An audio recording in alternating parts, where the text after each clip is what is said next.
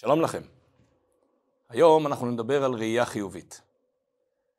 גם כי חנוכה מתקרב, וחנוכה זה חג של חינוך, וחינוך ילדינו מאוד קשור בראייה חיובית, וגם בכלל, כל השנה כולה, צריך להסתכל גם על ילדינו וגם על הסביבה וגם על עצמנו בראייה חיובית. אז בואו נתחיל כהרגלנו בסיפור. הסיפור הזה הוא סוג של אה, סיפור עם, שבסופו של דבר אה, מהווה משל על החיים שלנו. הסיפור הזה מספר כך, היה מלך שהיה מלך אה, חזק ומושל ועשיר ובאמת אה, תפקד בצורה מצוינת, אבל המלך הזה היו שלושה פגמים, מאוד נראים ויזואלית לעין. הפגם הראשון, למלך הייתה גיבנת מאוד קשה. היה מאוד מאוד מכופף. הפגם השני, הייתה לו עין אחת פתוחה ועין אחת סגורה. והפגם השלישי, הייתה לו רגל אחת ארוכה ורגל אחת קצרה. למלך הזה הייתה בת אחת.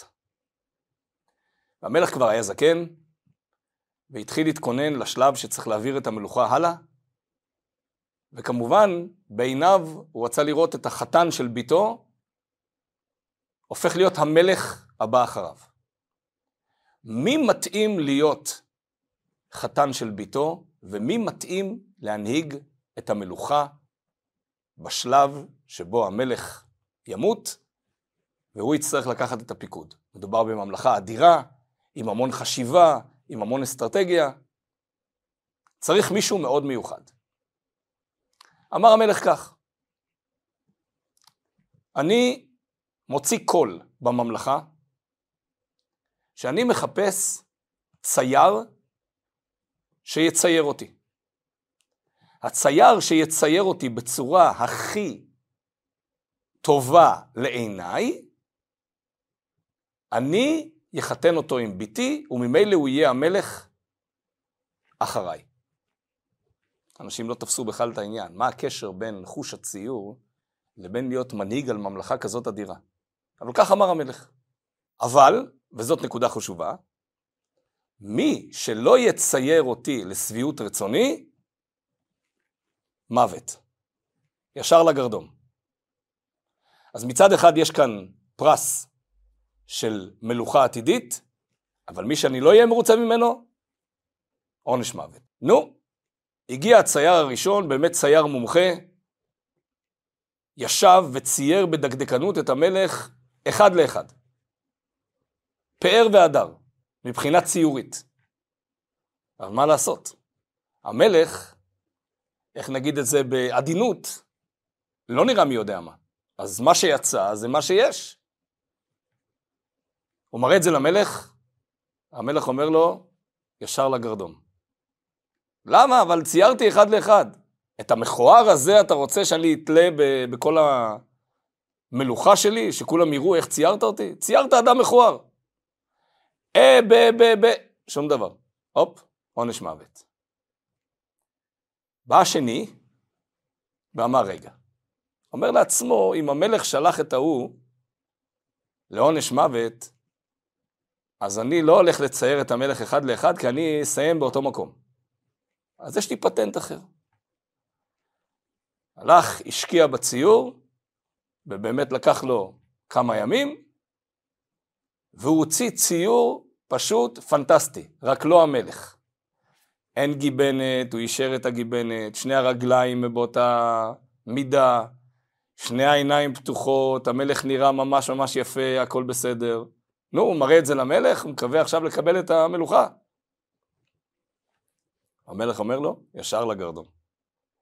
אבל רגע, הוא שואל, מה, אבל ייפיתי את המלך, אבל... אומר, זה לא אני, לא ציירת אותי. ציירת משהו מהדמיון שלך, אני זה לא.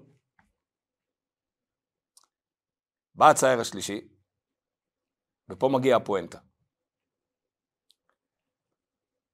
הוא צייר את המלך כמו שהוא, אבל במסע ציד. אז רגל אחת ארוכה, רגל אחת קצרה, בגלל שהמלך מחזיק אה, רובה ביד, רובה ציד, והמלך מתכופף לכיוון הציד, אז זה נראה כאילו שרגל אחת ארוכה ורגל אחת קצרה. עין אחת פתוחה ועין אחת סגורה, זה בגלל שהמלך בדיוק מכוון עכשיו את הרובה, הוא בדיוק מסתכל בכוונת של הרובה, אז כדרך אלה הצלפים שמסתכלים בכוונת של הרובה, עין אחת פתוחה ועין אחת סגורה. נו, והגיבנת, הגיבנת זה ממש אה, פנטסטי. אם אתה מתכופף בתנועה של ירייה, תוך כדי רכיבה על סוס, אז יש לך כאילו גיבנת. ועכשיו הוא מגיש את זה למלך. המלך מסתכל, אומר לו, המלוכה שלך. זכית בביתי וזכית במלוכה. למה? כי כלל ראשון במלוכה זה לדעת לעשות מהלימון לימונדה. לראות כל דבר, גם אם הוא נראה לך הכי שלילי והכי קשה, לראות אותו באור כזה שאפשר להוציא ממנו משהו חיובי. איך? תתאמץ. אל תעתיק לי אחד לאחד את הבעיה. אל תנסה גם לייפות את הבעיה סתם. אבל תנסה למצוא בתוך כל השלילה שנראית לך מול העיניים, דרך חיובית שמוציאה מזה משהו שבסופו של דבר בעולם יתורגם לצורה חיובית. וזה כלל במלוכה, בלי זה אתה לא יכול להיות מלך. אם אתה תיכנע לכל מה שיש שלילה במלוכה, אתה תיפול. ואם אתה סתם תתעלם ותהפוך את הכל לחגיגה, גם כן תיפול. אם אתה יודע איך להשתמש אפילו בשלילה ולהפוך אותה לחיובי, זאת תכונה מלכותית, ולכן אני רוצה שאתה תהיה המלך הבא אחריי, ותתחתן עם ביתי כמובן. אז כמובן שכל הסיפור הזה הוא בעצם משל. והמשל הזה גם מביא אותנו לתוך פרשת השבוע, וכמו שאמרנו, גם לחינוך הילדים, חנוכה וכולי. יוסף הצדיק נזרק לבור על ידי אחיו, נמכר ומתגלגל, בסופו של דבר מגיע להיות עבד אצל פוטיפר במצרים. אשת פוטיפר נושאת את עיניה אל יוסף ורוצה לעבור איתו עבירה. ויוסף הצדיק נמנע מהעבירה. מספרת הגמרא, וכך מופיע גם ברש"י, סוג של התגלות שהייתה ליוסף הצדיק לפני שהוא כמעט עבר עבירה עם אשת פוטיפר. אומרת הגמרא, דמות דיוקנו של אביו נגלית אליו בחלון. פתאום הוא רואה את אבא שלו. ואבא שלו אומר לו, יוסף בני, תדע לך, שאם אתה עובר את העבירה הזאת עם אשת פוטיפר, אז כשיבוא יום ולכהן הגדול יהיה חושן ואפוד, וכל השבטים יהיו עם אבנים, אבני החושן, במקום שבו אמורה להיות האבן שלך, יהיה חור ריק. שמך לא יופיע שם. כי אם אתה עובר עבירה עם אשת איש, אני לא מוכן ששמך ייזכר אצל הכהן הגדול בלבושיו, בפרט שכהן גדול נכנס ביום הכיפורים לפני ולפנים לקודש הקודשים, לא מתאים, יש שם חלל ריק.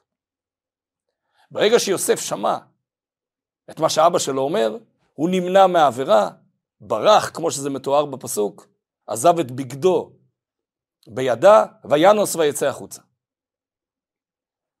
אבל יש גם פירוש חסידי לאירוע הזה. הוא פירוש קצת יותר עמוק. דמות דיוקנו של אביו. אבא שלו אומר לו, יוסף בני, אני לעולם יישאר אבא שלך. גם אם תעבור את העבירה, אני אשאר אבא שלך. ופה זה דבר מאוד מעניין. נחשוב על זה. למה אדם עובר עבירה?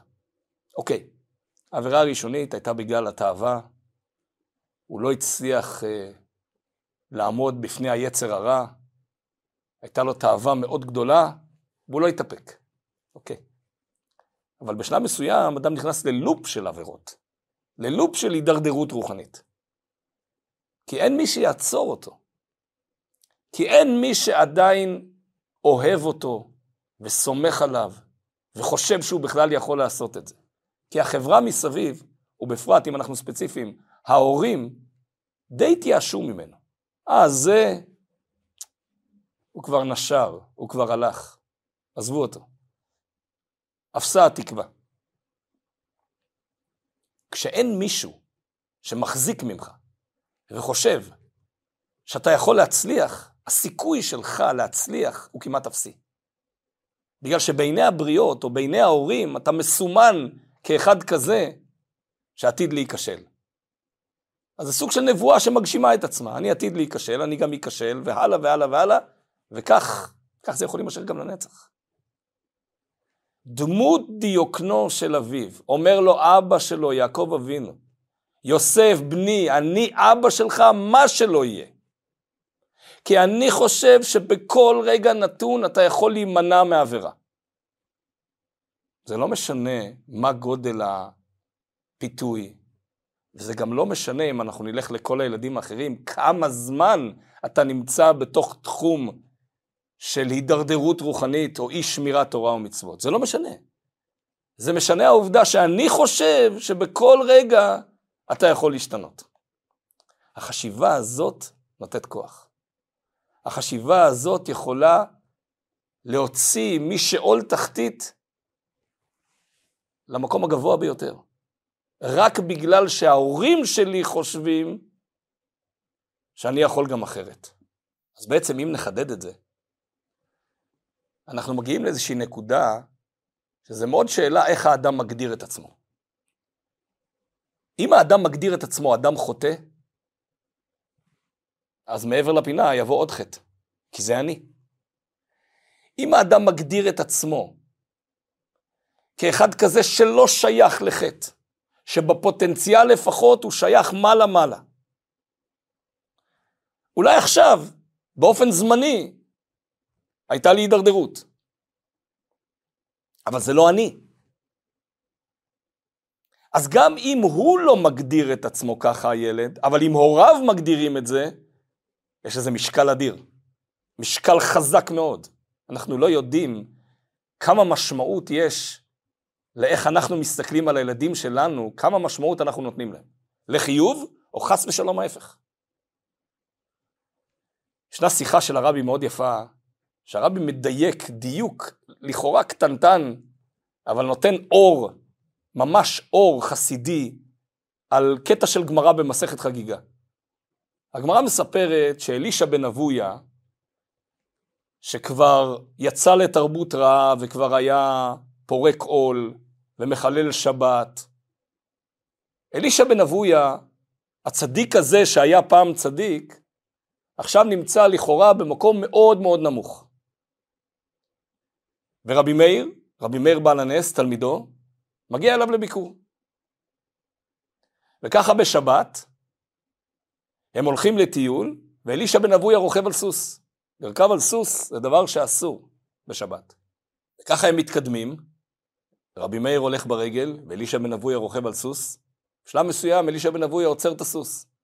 ואומר לו, מאיר, חזור לאחוריך. זהו, אתה לא יכול להמשיך הלאה. כבר עברנו את תחום שבת. ומכאן והלאה אסור להמשיך יותר.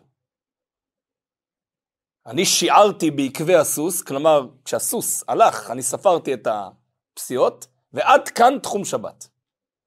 רבי מאיר בעל הנס עולה על הגל, מה שנקרא. אם אמרת לי חזור מאחריך, אני אשתמש בפרפרזה במה שאתה אמרת, ואני פונה אליך בחזרה. נו, ומה איתך? אולי גם אתה תחזור. אולי גם אתה תשוב בתשובה. ואלישע בן אבויה עונה לרבי מאיר, אני לא יכול. שמעתי מאחרי הפרגוד, שובו בנים שובבים, חוץ מאחר. היות ושמו כבר היה אחר, כלומר אתה אדם אחר, אתה לא אלישע בן אבויה. שמעתי מאחרי הפרגוד, גמרנו, אני שמעתי מהשמיים, אני שמעתי בת קול, אני שמעתי דבר שמימי, לכאורה אמיתי, שאומר שובו בנים שובבים, כולם יכולים לשוב, חוץ ממך. חוץ מאחר. ואז הרבי בנקודה הזאת מדייק. דיוק קטן, אבל משמעותי מאוד. מה שמעת? שמעת שובו בנים שובבים חוץ מאחר. נכון, זאת אמירה אמיתית. מי אתה? אתה אלישע בן אבויה או אתה אחר? אם אתה אחר, אתה צודק. אין לך תשובה. אבל אם אתה מגדיר את עצמך אלישע בן אבויה, שאולי חטא, או אולי נפל, אבל ההגדרה האמיתית שלי היא מי שאני, שמי שנתנו לי בברית. לא הגדרות של הסביבה, לא הגדרות שנוצרו כתוצאה מהעבירות שלי, אז על זה לא שמעת בת קול. אז הכל בסדר. אז תשוב, תחזור, כי אתה מסוגל. זה מחזיר אותנו להסתכלות חיובית. דמות דיוקנו של אביו אומרת לו, אני תמיד אהיה אבא שלך, כי אני תמיד מאמין בך, זה מה שצריך לשדר לילדים. לילדים, לתלמידים, כל אחד בתחומו הוא. תמיד, לא משנה באיזה מצב נמצא הילד או התלמיד, אנחנו לא יותר גדולים מהקדוש ברוך הוא. אם אלוקים סולח לכל אדם באשר הוא, ואין דבר העומד בפני התשובה, אז מה פתאום אנחנו, יש לנו כוח לסמן ילדים שלנו או של אחרים בצורה מסוימת. הסימון שלנו מוריד אותם עוד יותר כלפי מטה. אין לנו את הזכות וגם אין לנו את היכולת באמת לסמן אותם. כי הם בנים של הקדוש ברוך הוא, הם בנים של אלוקים. אם אלוקים לא סימן ומקבל אותם בתשובה בכל רגע נתון, לנו אין יכולת לשנות את הדבר הזה. האמרה החסידית אומרת חושך לא מגרשים במקלות. הבתים של היום, ברוך השם, מלאים בילדים, ולא כל הילדים הולכים בתלם. מי שרוצה לבזבז את כל ימיו בוויכוחים, ברוב המקרים חסרי תועלת, ובצעקות וגערות, זה לא מוביל לשום מקום. צריך לשנות את הגישה. חושך מגרשים על ידי ריבוי אור. האור מתחיל בראש שלנו, בחשיבה שלנו. אם אנחנו מסתכלים על כל ילד באשר הוא, כבנו יחידו של הקדוש ברוך הוא, או כמו שאומר הבעל שם טוב, כמו בן שנולד להורים זקנים לעת זקנתם. ואנחנו לא מסתכלים על גודל הכיפה, או על אורך החצאית, או על אורך השרוולים. אנחנו מסתכלים לעומק, לתוך הנפש, לתוך מה שהוא באמת, לא בהגדרות החיצוניות של מה שהוא או היא מנסים להגדיר לנו מי הם. לא קונים את זה. מסתכלים לתוך הנפש פנימה. והנפש הזאת היא, כמו שאומר אדמו"ר הזקן, חלק אלוקה ממעל ממש. זאת ההגדרה של הילד או הילדה הזאת. וכשמסתכלים בצורה הזאת גם משדרים את זה. כשמשדרים זה מתקדם. יכול להיות שזה לא קורה תוך שנייה. הרס זה דבר שיכול לקרות בתוך שנייה, אבל לבנות לוקח יותר זמן. אבל אם לא נתחיל, זה גם אף פעם לא יקרה. חייבים להתחיל, וזה חנוכה. חג של חינוך, חינוך עצמנו דבר ראשון. כשאנחנו נראה את זה בצורה הזאת, יהיה לנו קל הרבה יותר להסתכל על כל הדברים אחרת. בעזרת השם, שיהיה לנו גם י"ט כסלו מבורך וגם חג חנוכה מבורך, שיפיץ בתוכנו הרבה אור ופנימיות, ונזכה לגאולה האמיתית והשלמה במהרה בימינו, אמן.